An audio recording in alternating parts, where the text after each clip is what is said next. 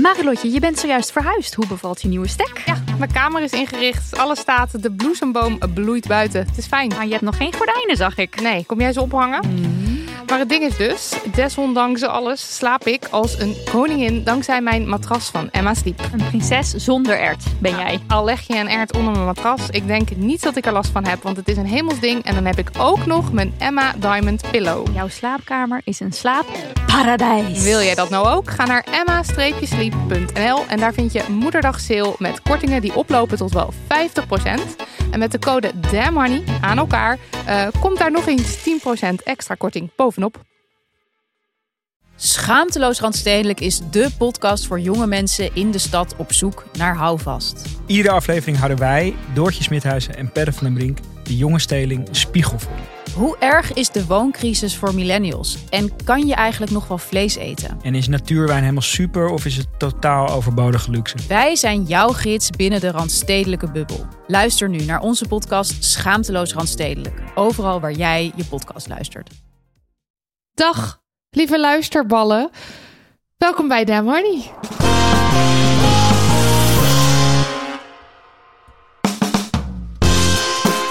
De podcast over shit waar je als vrouw van deze tijd mee moet dealen. Mijn naam is Marilotte. En ik ben Nidia. Hallo. Eh, ja, dit is aflevering 124. Klopt, en wij dachten, we nemen Ja. op zaterdagochtend op. Normaal gesproken staat onze podcast al een aantal uur online. Ehm, maar met de reden, dan kunnen we als vanouds samen gezellig aan één tafel de podcast opnemen. Ja, En toen? ik had daar erg veel behoefte aan wel, want ik dacht de hele tijd, "Ugh, ik, word, ik, ik heb geen, mijn voorkeur gaat niet uit naar afstand.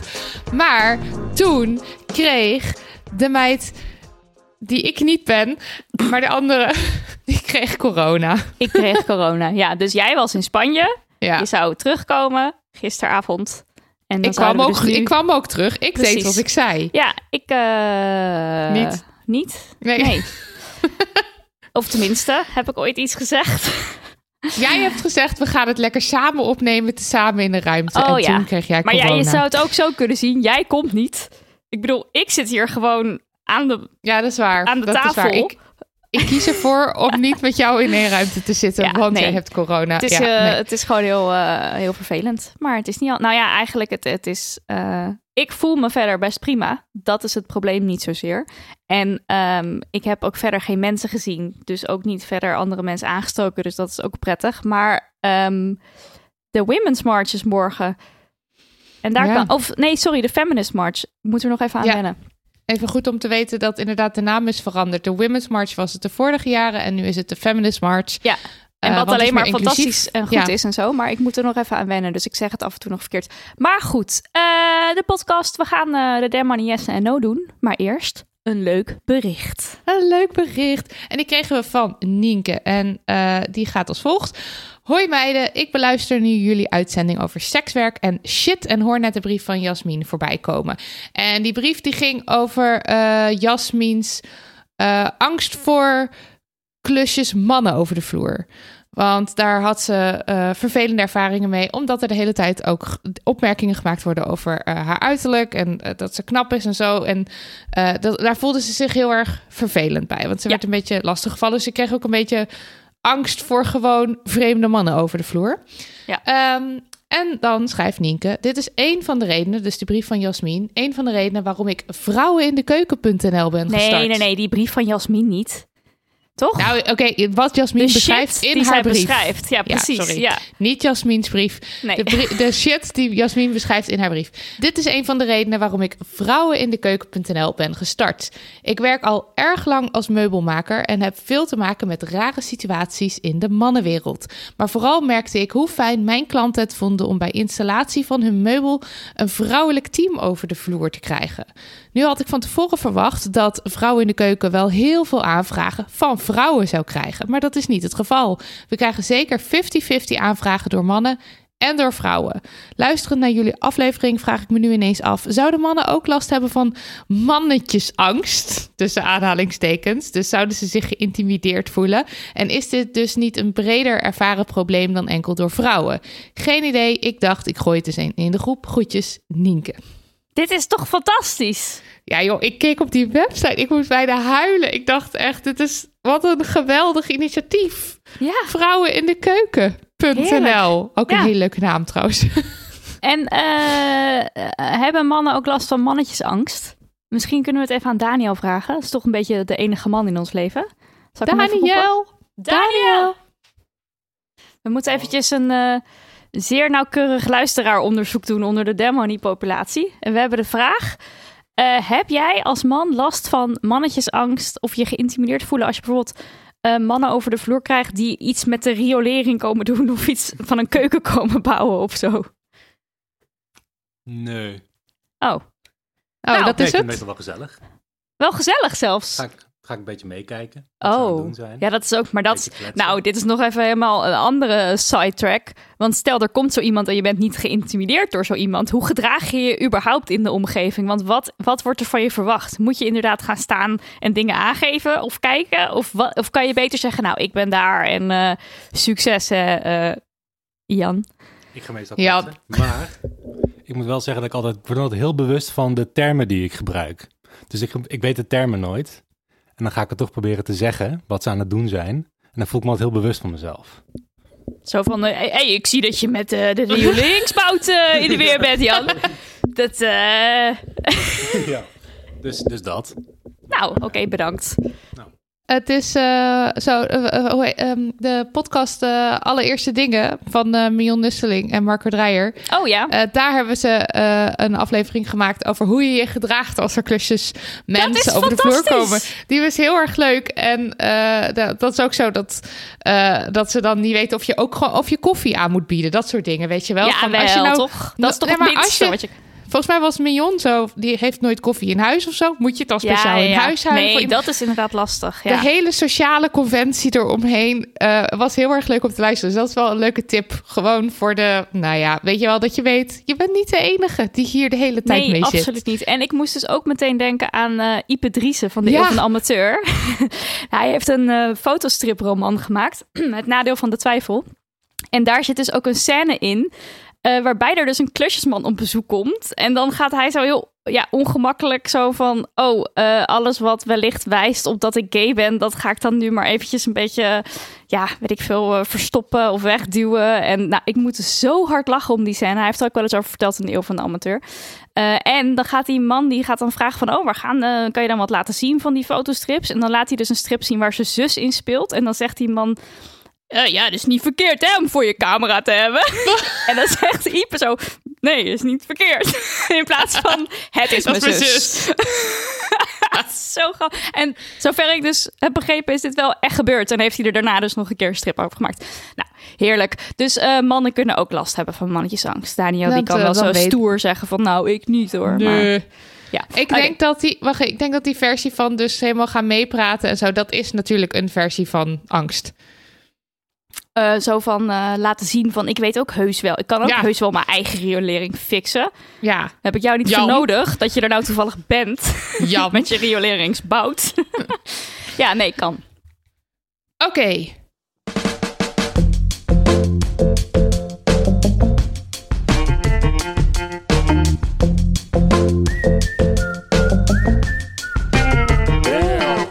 We gaan door naar de Damn Honey No.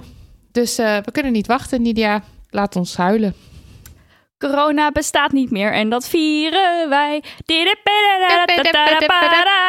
Nou, fijn. ik vind dat dus hilarisch. Dat ik uitgeschakeld ben door corona. Een paar dagen nadat het OMT het advies naar buiten bracht. om ook de allerlaatste COVID-maatregelen die we nog hebben eh, te laten vallen. Dus testen bij klachten, nee joh. Eh, in isolatie gaan als je corona hebt, dat hoeft niet meer. En een nieuwe vaccinatieronde, dat zou eh, niet zinvol zijn. Nou, dan Sorry, mijn klomp is wederom Precies, gebroken. je, je klomp breekt. Nou, het, het, het- waarom geven ze nou dit advies? Omdat het virus ehm, de endemische fase heeft bereikt volgens het OMT. En dat wil zeggen dat het constant aanwezig is, maar waarbij de gehele populatie door vaccinatie of doorgemaakte infectie im- immuniteit, moeilijk woord, heeft opgebouwd. Ja, sorry, maar het is echt dat jij nu corona. Ik ga niet met jou in de ruimte zitten. ik zou het ook niet. andere mensen niet aan willen doen. Ik bedoel, Natuurlijk niet. het is toch. En, en kijk, er waren al zo fucking weinig maatregelen. Maar hoe moeilijk is het om zelf een beetje in de gaten te houden? God, ik heb wat sym- symptomen. Laat ik eens een testje doen. En als je het Ja. hebt, dat je dan gewoon thuis blijft. Ja. En ik, ik trouwens, ik vind niet eens dat dit over. Ik vind dat eigenlijk voor alles zou moeten kiezen. We moeten gelden. Ja. Als jij ergens hoestend en proestend gaat zitten omdat je tering sorry, omdat je heel erg verkouden bent en eh, of, of weet ik veel, of griep hebt. Je gaat iemand toch ook niet. Je wilt toch mensen ook niet aansteken met de griep? Nee. Je wilt ze niet aansteken met verkoudheid. Eh, en ik zou het ook heel vervelend vinden als ik bijvoorbeeld op kantoor zou zitten met een collega die de hele tijd aan het blaffen is. Ga toch Ja. weg. Ik word sowieso woest, woest daarvan tegenwoordig. En het komt, het is versterkt door corona. Maar why zou je dat doen? Ja, nou precies. Ehm, wel een hele belangrijke kanttekening is dat dus het OMT-advies, dit is dus een advies, het is dus nog niet helemaal doorgevoerd, ook zegt. Blijf zoveel mogelijk thuis als je je niet fit of ziek voelt. Maar in de media is dus vol opgepakt. Corona Ja. is voorbij en dat vieren wij. Ehm, en eh, zo van, yeah, over tot de orde van de dag. Eindelijk, we zijn er klaar mee. Wat gewoon heel verwarrend is. En het kabinet heeft dus ook nog niet gereageerd op deze hele uitspraak, op dit advies. Ehm, maar weet je wat ik ook wel apart vind? Van ehm, als je je niet fit of ziek voelt, blijf thuis. Maar als je dus tegelijkertijd gaat zeggen van je hoeft je niet te testen. Kijk, ik had iemand in mijn omgeving waarmee ik in een auto heb gezeten die corona had. En dus ben ik Heb meteen gaan testen. Maar ik voelde mij niet zo ziek dat ik dacht, ik moet nu. Want ik had eigenlijk heel weinig klachten. Ik had weinig eh, last. En verder, wat gedurende de week is er wel wat meer, zijn er wel wat meer klachten bijgekomen. Neusverkoud. Gewoon eigenlijk de. Ja, de, de lichtere symptomen. Vergeleken met vorige corona die ik had, is het veel lichter bij mij. Maar ik vraag me dus af, als ik niet zo duidelijk had geweten van ik ben in contact geweest met iemand, had ik dan een test gedaan? Had ik het dan geweten? De- Het, het lijkt me gewoon heel goed om te blijven testen. Want zou ik thuis zijn gebleven?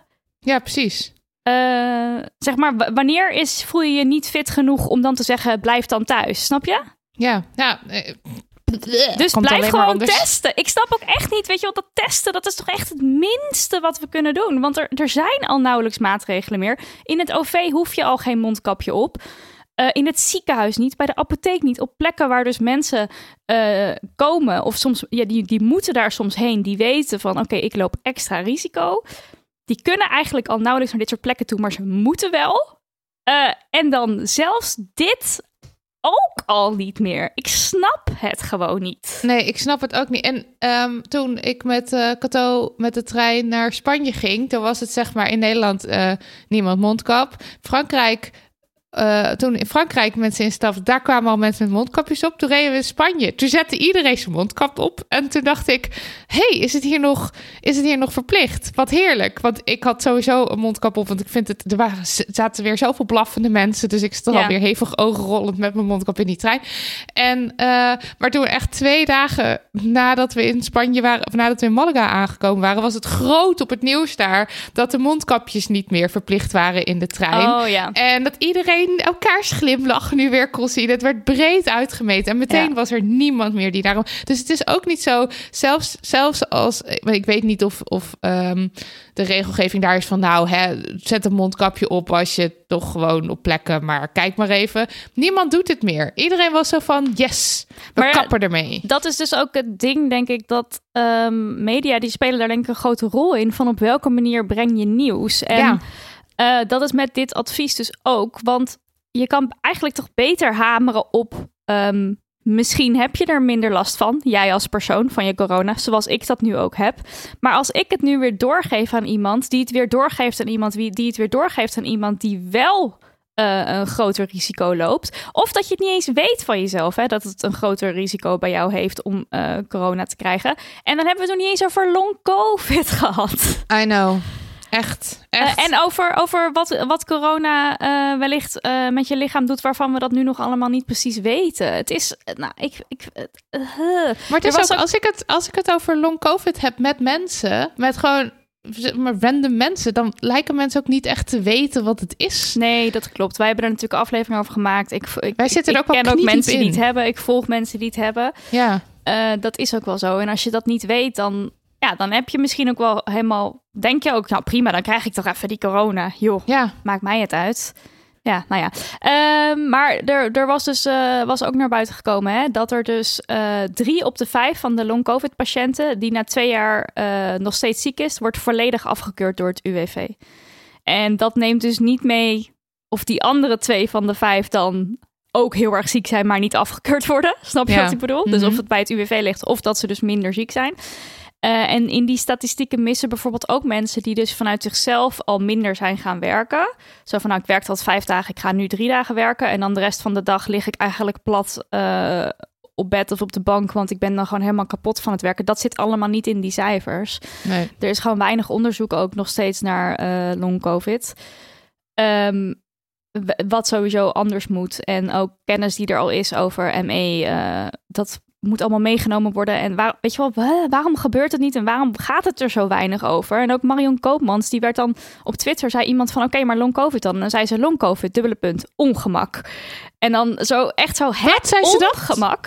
Ja, en ik weet niet of ze dan bedoelt van... het is een ongemak om het te hebben. Of meer van, het is een ongemak qua Dat het bestaat. Oh, ja, zo, ik weet niet, maar ik vond het ook heel respectloos naar mensen die eh, dus inderdaad al twee jaar thuis zitten. Waarvan ook heel veel mensen in de zorg, hè, die in de zorg eh begin, begin corona daar eh, hebben gewerkt. Het, het risico was heel groot om corona te krijgen. Er waren nog geen vaccinaties, niks.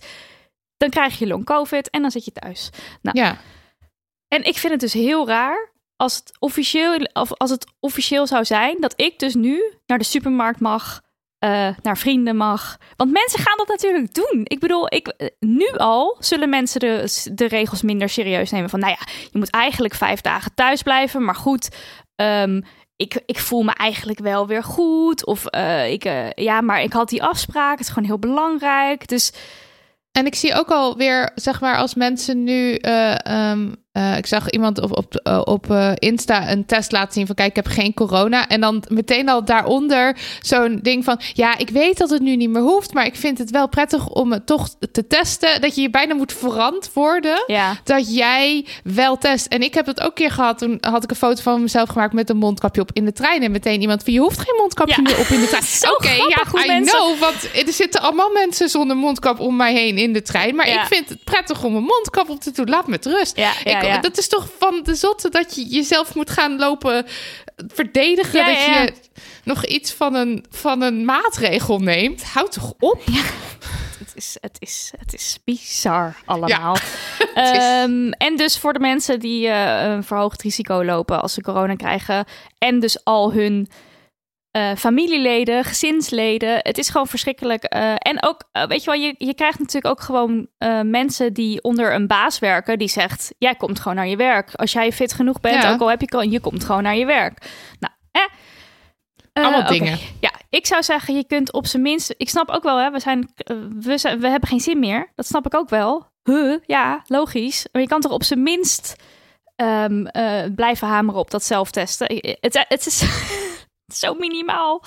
Luchtfilters Het is, plaatsen. Het is niet ingewikkeld. Mondneusmaskers. Nou ja, oké. En dan- minimale, minimale dingen. En dan hier nog bovenop. Dus dat we zoveel mensen nu in de kou laten staan. Daar nog bovenop met dit advies. Ehm, kwam gisteren het nieuws naar buiten dat de twee grote post-COVID polyklinieken in Amsterdam en Rotterdam de deuren hebben gesloten voor nieuwe patiënten.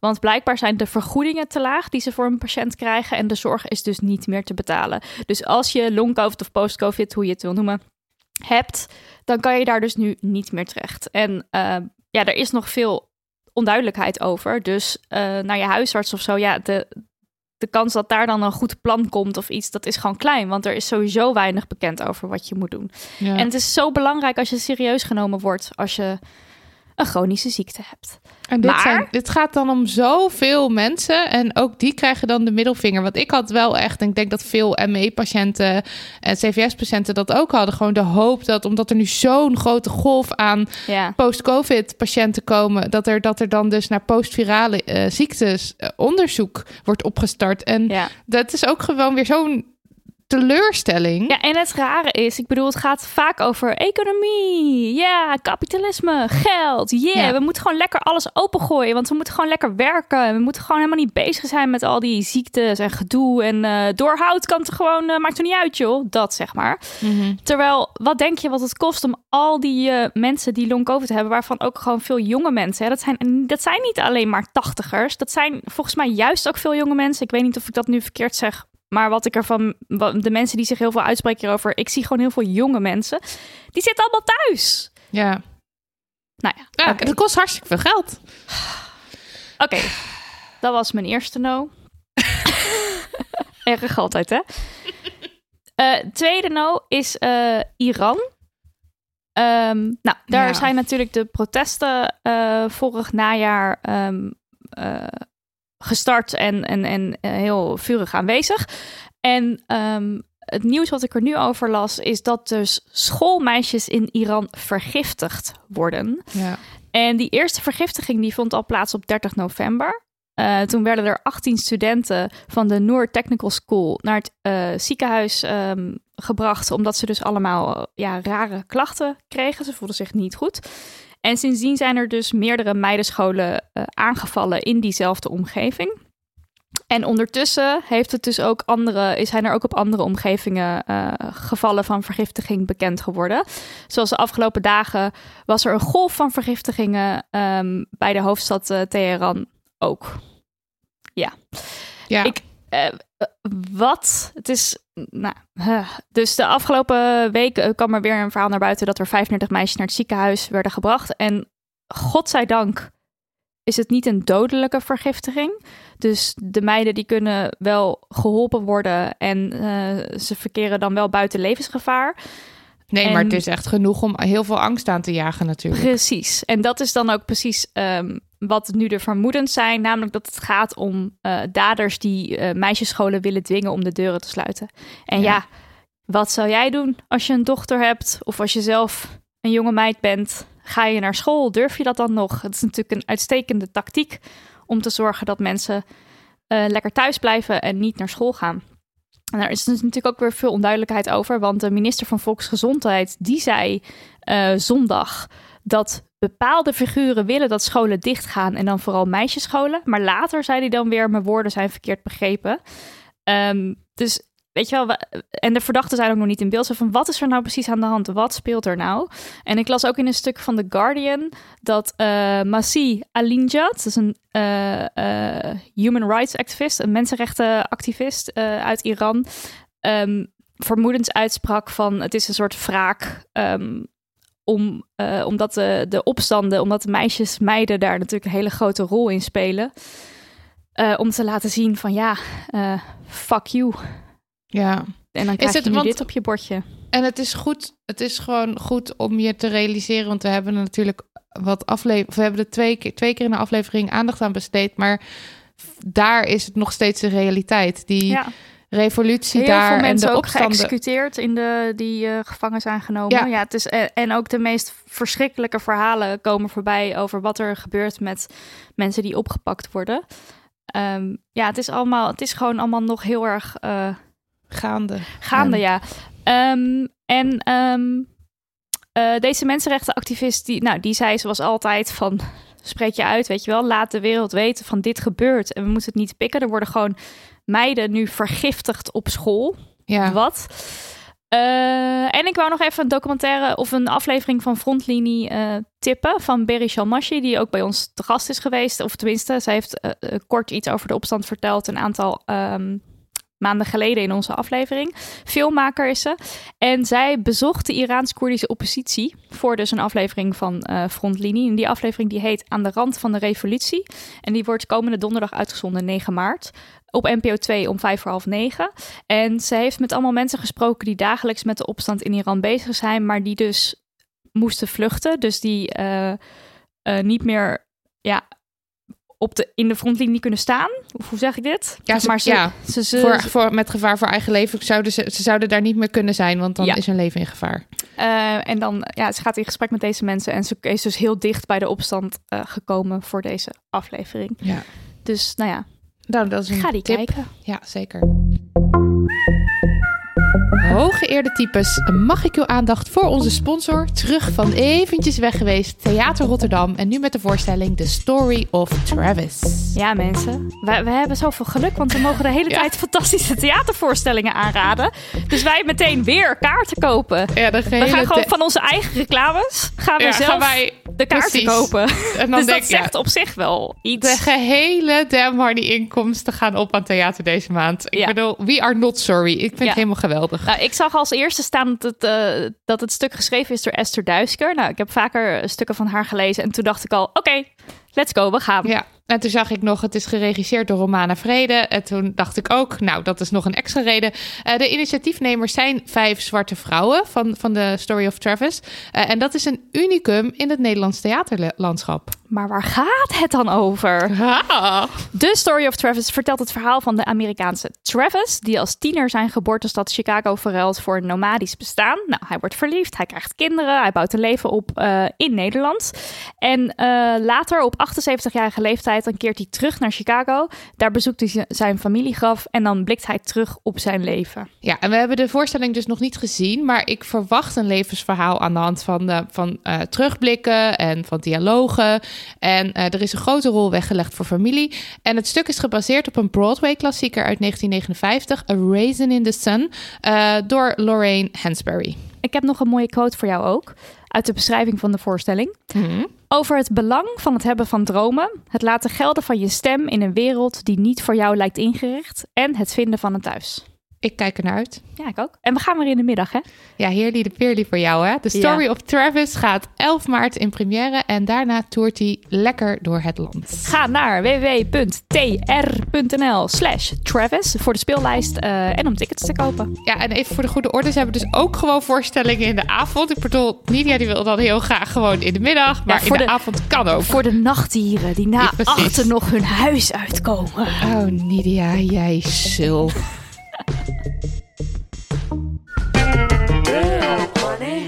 Mensen, de Damn Ja.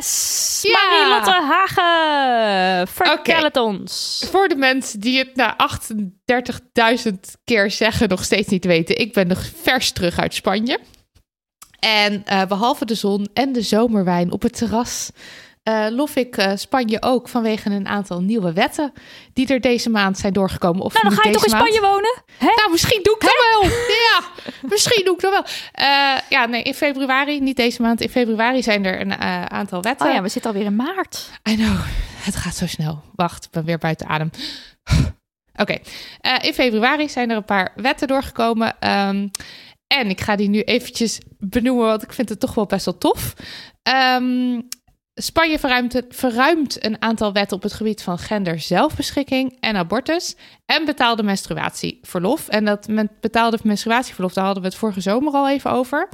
Eh, dat is nu dus ook officieel. En het parlement in Madrid is akkoord gegaan. Het gaat om twee wetspakketten waar verschillende wijzigingen onder vallen. Ten eerste is het pakket je baarmoeder, zo noem ik het maar even. Het pakket, je Het pakket baarmoeder. Baarmoeder. Ja. ja. En daar valt bijvoorbeeld het menstruatieverlof onder. Dus als je hevige pijn lijdt tijdens je ongesteldheid, dan mag je je voor ziek melden. En niet de werkgever, maar het sociale zorgsysteem van Spanje draagt dan de kosten. Nice. En eh, je hebt wel een briefje nodig van een arts die dan zegt: Jij bent ziek.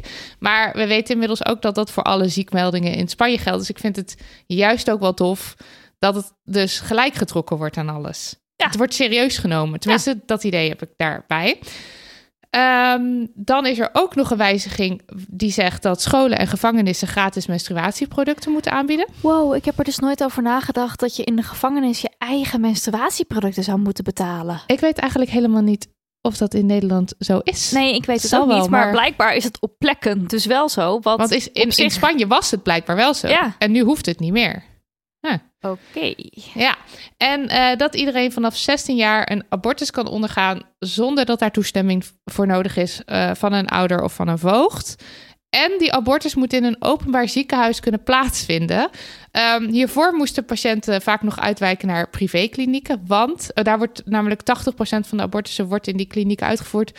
Uh, want veel artsen en ziekenhuizen weigeren ze om religieuze redenen om uit te voeren. Ah, ja, Spanje is heel katholiek, toch? Heel katholiek. Ja, heel- Echt, het is om de drie stappen een kerk. Ehm. Toch maar niet naar Spanje verhuizen, hoor ik aan jouw zucht rondom die kerken. Ja, tegelijkertijd is het ook wel altijd leuk om zo'n kerk in te lopen. Een kerk, Maar- even gezellig een kerkje Even een bezoeken. kerk. Ja, hele dramatische beelden staan er. Dramatischer dan in Italië of zo. Ik vond het theatraal. Ja, maar Ehm, sowieso is de katholieke kerk vrij theatraal. Ja, dat is waar. Maar in, in Spanje... Ik Nog een stapje nog een erbovenop. tikkeltje, tikkeltje theatraler. Oké. Ehm, dus dat zijn eh, allemaal goede dingen. Dan is er ook nog het pakket genderzelfbeschikking. Zo heb ik het eventjes gedoopt. Ik weet niet of het officieel zo heet. En daarin zijn wijzigingen doorgevoerd die lijken op de transgenderwet... eh, waar we hier in Nederland ook over praten. Steggelen. Geste- waarover gesteggeld wordt. Ehm, namelijk, ben je ouder dan 16, dan mag je zonder toestemming van een arts je ge- geregistreerde geslacht voor de wet laten wijzigen. Eh, jongeren tussen de 14 en 16 mogen dit ook, maar hebben wel toestemming van hun ouders nodig. En ehm, eh, voorheen hadden ze ook echt een diagnose nodig van genderdysforie. Dat is nu dus niet meer nodig, alleen de Hmm. toestemming van ouder of voogd. En eh, in, eh, is een kind 12 of 13, dan moet er wel een rechter oordeel over vellen. Oké. Maar ja, ben je ook nog vrij jong. Ehm, en het is natuurlijk best wel interessant om naar te kijken hoe het in andere landen gaat. Want veel van deze onderwerpen, praat, daar praten we ook over in Nederland. Want je Ja. hebt die, ehm, die transgenderwet waar dus over gesteggeld wordt. Want eh, hier willen ze ook dat je het geregistreerde geslacht kunt wijzigen... zonder dat je een eh, toestemming moet hebben van een eh, deskundige en zo... die zegt dat je trans genoeg bent. En over menstruatieverlof praten we hier niet eens. Nee, maar dat is natuurlijk hier ook anders. Als in, als jij je ziek meldt, dan Ja, heb je geen briefje je nodig. hebt geen briefje nodig. Je be- dan ben je gewoon, ja, als jij zegt kan niet werken, want ik ben ziek. En of dat nou door je menstruatie komt of niet, Nee, precies. dat, Dat, maakt dan in principe niet uit. Maar inderdaad, het, het ding van kijken naar hoe andere landen eh, zaken aanpakken. Ja, dat is wel ja, goed, ook om van te leren. Want eh, Spanje heeft dus sinds 2020 een linkse overheid. Eh, op het ministerie van Gelijkheid zit een progressieve minister. Zij heet Irene Montero. En zij is ook degene die al deze pakketten heeft... eh, de wereld, het pakket Je Baarmoeder en het pakket uh, Gender zelfbeschikking is allebei eh, bedacht. Of Ja. zij heeft ze ingevoerd. Nou ja, ja. Eh, uiteraard ook weer met veel bezwaren van de rechtse kant. Eh, ehm, maar eh, omdat de meerderheid daar links is, komen deze wetten er wel door. En het is ook wel. ehm, want kijk, ze heeft bijvoorbeeld. We zagen toen we ehm, bij cafés waren ook heel veel de sticker solo CAC. Ja. CSC. Nou ja, alleen ja is ja. En Kat- dat Kato en ik dachten, oh wat goed, want ze zijn hier dan ook bezig met zo'n ehm, met zo'n campagne van eh, iemand moet echt ja over, over consent. Ja, je, kan, je, je kan gewoon veel leren van andere landen, denk ik. Dus dat is goed om er naar te kijken. En ik had ook laatst in die eh, podcast over femicide, die ik al eerder hier had aangeraden. Hoe heet die nou ook weer? Vrouwenmoord, geloof ik. Ja. Daar ehm, ging het namelijk over hoe andere landen ook eh, maatregelen treffen tegen femicide. Dus bijvoorbeeld een land waarbij je kunt opzoeken ehm, van je eh, toekomstige partner of je partner of die een strafblad heeft, zoiets. Nou, er zijn natuurlijk allerlei privacy dingen waardoor je kan zeggen dat willen wij in Nederland niet. Maar ze gaven toen allemaal voorbeelden van dit zijn dingen die andere landen actief Doen. doen. En eh, dus niet alleen dit voorbeeld dat ik net gaf, maar ook andere voorbeelden. En dan denk ik van, je kan daar zoveel van leren. En soms dan voelt een probleem mega groot. Van hoe de fuck gaan we dat nou oplossen? Zoals femicide of seksueel geweld. Eh, en dan ja, is het denk ik heel zinvol om te kijken van wat doen andere landen? Werkt het? Ja, precies. eh, Werkt het? Ja, misschien werkt het wel helemaal niet. Of heeft het dus inderdaad allerlei implicaties rondom privacy... waarvan we denken van nee, maar dat is iets wat wij in Nederland niet willen. Eh, omdat soms ehm, het idee kan zijn van ja, maar we doen hier al zoveel. Vanuit bijvoorbeeld de overheid dat dat dan gedacht wordt. ja Zoals of, bijvoorbeeld of, rondom femicide. of inderdaad dat je denkt, oké, maar dit- dit kan gewoon niet. Nee, want dat het is hele- nou eenmaal zo dat er vrouwen Precies. vermoord worden. Ja, ja. en dan is het eh, goed om eh, eventjes, nou ja, hè, om te denken. Ja, en met, zo'n, en met die genderzelfbeschikking. ehm nou ja, er zijn natuurlijk al weet ik veel hoeveel onderzoeken waaruit elke keer blijkt van laat mensen zelf kiezen wat, wat belangrijk en eh, mentale gezondheid en weet ik veel wat allemaal. Eh, maar als je dan zo'n wet doorvoert en je ziet van, zie je nou, het is gewoon, werkt gewoon top. Is ook weer een goed voorbeeld voor landen die er nog moeilijk over doen. Ja, precies. Dus ja, belangrijk en goed Dus- om te kijken hoe andere landen dingen aanpakken. Precies. En dan hebben we ook nog eventjes aandacht voor de Feminist March. Want Ja, er komt... morgen. eh, morgen, jee. Eh 5 maart ehm, om 1 uur vanaf de Dam eh, begint de Feminist March. En lieve mensen, wat is nou een beter moment om je uit te spreken tegen shit... en voor gelijke rechten en kansen voor iedereen dan bij de Feminist March. Dus Nou, ik kan dus wel zeggen, ehm, het geeft, ja, we zijn een beetje laat met deze oproep. Hè? Het is ongeveer zo 24 uur van tevoren als mensen dit horen. Maar als je het hoort en je vindt het nog spannend en je twijfelt en je denkt, ja, wat ga ik daar doen dan? Ik ben niet zo iemand die gaat lopen schreeuwen of een bord maakt. Ik kan je zeggen, de energie daar is heel is heel Mhm. prettig en fijn om mee te maken. En je hoeft helemaal niet hardop dingen te gaan schreeuwen als je je daar niet prettig bij voelt. Je hoeft geen bord te dragen. Ehm, maar ja, je kan als gewoon meelopen. als het ook maar een beetje dat je twijfelt, zou ik zeggen, ga daar toch alsjeblieft heen. Wel dus, doe even een testje. Hè? Ja. Ga niet als Hè? je corona hebt. Eh, misschien een mondkapje op als je je daar prettig bij voelt. Hou afstand. Want ja, corona is nog steeds real en ik kan er dus niet bij zijn. Ja, en ik denk Voor ook het eerst dat je... echt in jaren. Jij kan er niet bij zijn. Maar ik denk dus, nou ja, dit is een goed moment om te zeggen dat, dat Dan Marnie er gewoon niet bij is. Want ik ben er ook niet bij morgen. Ehm, ik heb een eh, sterfgeval in de familie. Mijn oma is overleden een paar dagen geleden. Ehm, ondanks de hoge leeftijd nog steeds vrij onverwacht. Dus ik vind het nu even belangrijker toch om thuis te zijn. Ehm, dus wij zijn er allebei niet. En ik vind dat nogal wat. Maar Ja. ja, het is wat het is nu. Stom is het. En ik denk wel, het is gewoon even goed om te weten ehm, dat het dus, zeg maar, fysiek aanwezig zijn bij zo'n march. Als je denkt, ik ga, het is ook gewoon heel belangrijk, want de afgelopen jaren heb ik om me heen gekeken en dan dacht ik, wow, er zijn echt veel mensen. Of wow, de hele dam staat vol. Of heel die straat. En dan gaat het er niet om of je een bord draagt of om de- of je schreeuwt. Het gaat over dat je er bent. Ja, En ik vind het nu echt heel jammer dat ik er niet ben. Volgend jaar hopelijk wel gewoon weer. Ehm, maar ik hoop dat mensen zich nu, als je dit hoort en je was niet van plan te gaan, of je vindt het dus inderdaad een beetje eng, ga toch. ja, doe het. Wat we wel wilden trouwens, was eh, misschien even een koppelactie toch organiseren. Ja, ik zal wel even op Instagram zo meteen iets posten. Het enige wat ik er nog lastig aan vind, kijk, we hebben dit eerder gedaan. En toen konden wij dan op een gegeven moment zeggen van, oké, nou mensen, we gaan nu. En Ja. wij zijn er zelf niet. Dus eh, we kunnen wel een soort meeting point, zo van, eh, nou, we kunnen gewoon weer hetzelfde doen op de trappen bij het Beursplein. Daar kunnen we weer afspreken met de mensen, of we dus niet, maar de, de honingballen die dat willen. Maar er is, ja, er is dus niemand die echt het voortouw kan nemen. En dat is misschien Nee. wat ingewikkeld, maar goed. Anyway, de march, morgen dus, de Dam, om 1 uur. Eh, het thema is equity is key. Dus eh, dat betekent equity, betekent meer mensen geven wat ze nodig hebben om gelijke kansen mogelijk te maken. Er is een toffe selectie aan sprekers. Goed aandacht voor verschillende thema's. eh sekswerken, rechten, rechten voor ongedocumenteerde en alleenstaande moeders. Please ga. Please ga. En op 8 maart, Internationale Vrouwendag, dan eh, trekken wij het land in hè, met wc-rollen. Met daaromheen een rapper met alle shit waar je als vrouw, nou niet alle shit, allerlei shit waar je mee moet dealen. Eh, en als je wil, dan kan je ons opzoeken en een rol komen ophalen. We gaan naar Groningen, Nijmegen, Utrecht, Amsterdam. Het hele schema kan je gewoon lekker op Instagram eh, checken. En ik zal het ook in de show notes zetten. En als je nou denkt, ja, maar ik woon helemaal niet daar. Dan zijn er ook nog andere plekken waar de rollen wel beschikbaar zijn, maar waar wij niet beschikbaar zijn. Ja, en die, eh, die lijst vind je op Insta, maar ik noem het heel eventjes toch. Paagman in Leidschendam, eh Gianotte Mutsaars in Tilburg, De Vries van Stockholm in Haarlem, Stumpel in Almere, Het Colofon in Arnhem, De Drukkerij in Middelburg, Bos en de Jong in Rotterdam en Boekhandel van Pierre in Eindhoven. Pieren, Ja, ik, denk ook. altijd, ja, pieren, Pieren. volgens mij. Want iemand zei het een keer tegen mij, toen dacht ik, vampieren? Als in de wezens met scherpe tanden die niet zomaar naar binnen kunnen tenzij je ze uitnodigt. Eh, ja, dat zijn dus de plekken waar wij niet zijn, maar de rollen wel. Dus daar kan je ze ophalen. En het idee is dus, verspreid die shit. Ga het gesprek aan met mensen. Vertel waarom het nog altijd nodig is om eh, feministisch Ja, te zijn in Nederland. Precies.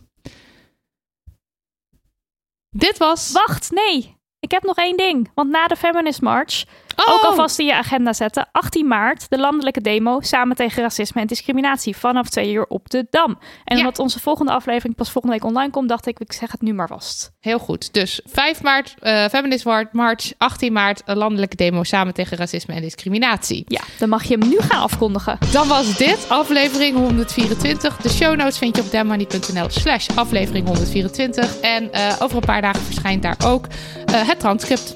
Daniel van der Poppen, Lucas de Geer, Lisbeth Smit, bedankt schattenpoezen. Transcriptpoezen ook bedankt. Marleen, Marlou, Marloes, Elise, FQ, Shura, Melissa, Barbara, Joan, Fenna en Sabine. Amber Script, bedankt dat we jullie software weer gratis en voor niks mochten gebruiken. Mocht je luisteren, het account, het te goed verloopt bijna. En ik zou wel meer Geef willen als het even kan. Yay! Maar Nou, love you! ook. Stuur ons mailtjes met post en levensvragen en dilemma's en zo. Dat vinden we leuk. Kan naar info.damhoney.nl Ja, doe dat, want dat vinden we echt leuk. Ja, en of niet natuurlijk, maar Oh. doe het wel. Maar of niet. Nou, zelf weten dan maar. Ja, zelf weten.